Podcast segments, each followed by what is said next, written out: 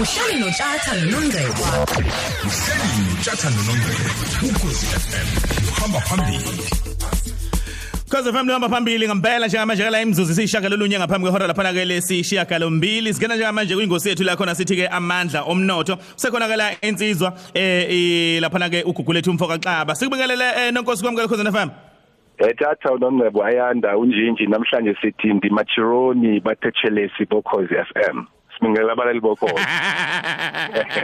Hey hayi ngiyakuzwa ngiyakuzwa mkhaya cha ukijima naye impela Alright akasibheke la mfowethu Eh ake sibheke la mfowethu ngesonto ledlule eh ngekade sikhuluma ngama states amalana nemibiko eh thintakela eh, eh, ezomnotho nokuthinteka kwawo Eh cha look le tata isikade sibuka stats report sibuka nomnotho sibuka nezinto ezihambisana nokuthi eh kwenzakala emnothweni waseNingizimu Afrika nanokuthi kuphi okukhulayo uma sikhuluma ngomnotho waseNingizimu Afrika. Kahle hle sibe sibuke lapho ukuthi iagriculture iyona eh, ebonakala ikwazile ukusiza ngalesi sikhathi seCovid-19 Alright eh sitshela ke namhlanje nge operation buyele ekhaya economic strategy eh movement esikhuluma ngayo.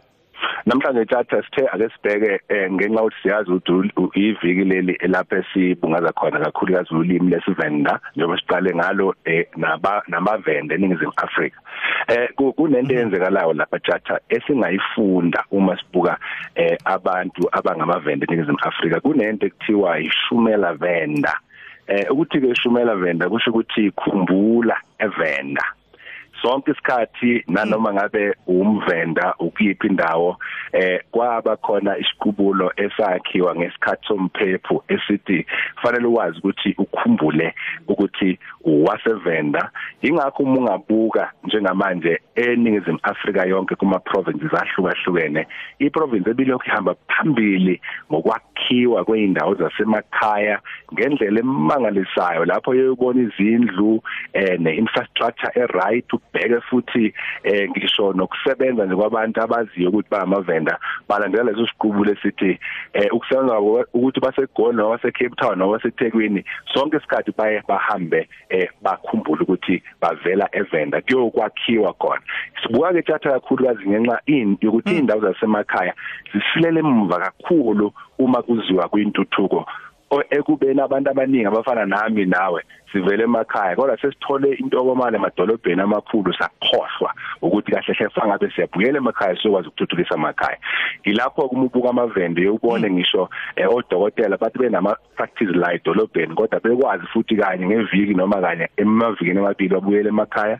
Sidinga onjiniyela abazolungisa imigwaqo beze ne- nexazululo zokuthi imigwaqo yasemakhaya izolungiswa kanjani eh, nokwakhiwa nokuphehlwa kukagesi leyindawo engenawo ugesi we-agriculture eh, i-Wi-Fi ne-connectivity kulesikhathi se-fourth industrial revolution. Kufanele ukuthi abantu basemakhaya babe nayo indlela yokuthi nabo baxhumane. Abantu abazalwa emakhaya abafundile.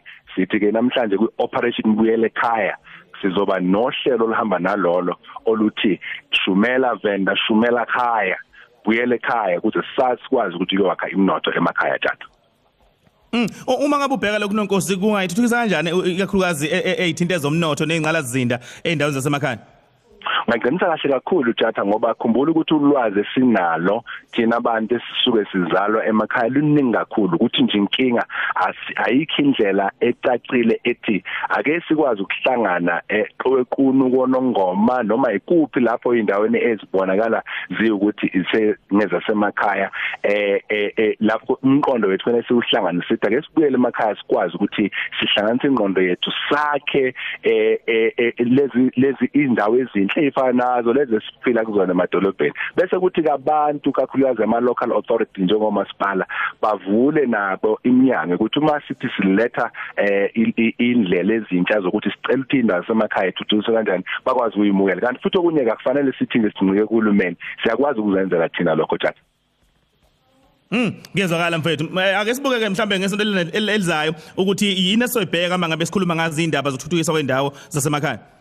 Eh sizobheka lokho cha soba sizoba nengxoxo ezobe yandulela inkomfa enkulukazi esoyibiza eoperation buyele ekhaya eh ngeviki elizayo so besimemezela kahle ngeviki elizayo bese kuthi ke njalo ngeviki njengoba sishilo siyazama sonke isikhathi ukuthi sibe nezingxoxo ehambisana kokuqala nokukhuthaza abantu abasha izingane zethu ukuthi zingene kwi business entrepreneurship. Ngizobe ngikhuluma nazo ngomgcibelo sobathumela ilokhuzana iwebinar yeZoom. La bazofuna kwinombolo yethu ejwayelekile 08222 52217 bese futhi ngolesine ntambama sobe sesixoxa ngo from 5 to 6 sobathumela labo bafuna ukuxoxa ngebusiness yeimbuzi yahamba kahle kakhulu charter bayafuya abantu enkwenzeka umsebenzi omuhle kakhulu. Eh bangasilandela bathi www.amandlaomnotho.co.za kumbe babheke iFacebook page yethu amandla omnotho. Ba like iFacebook page yethu.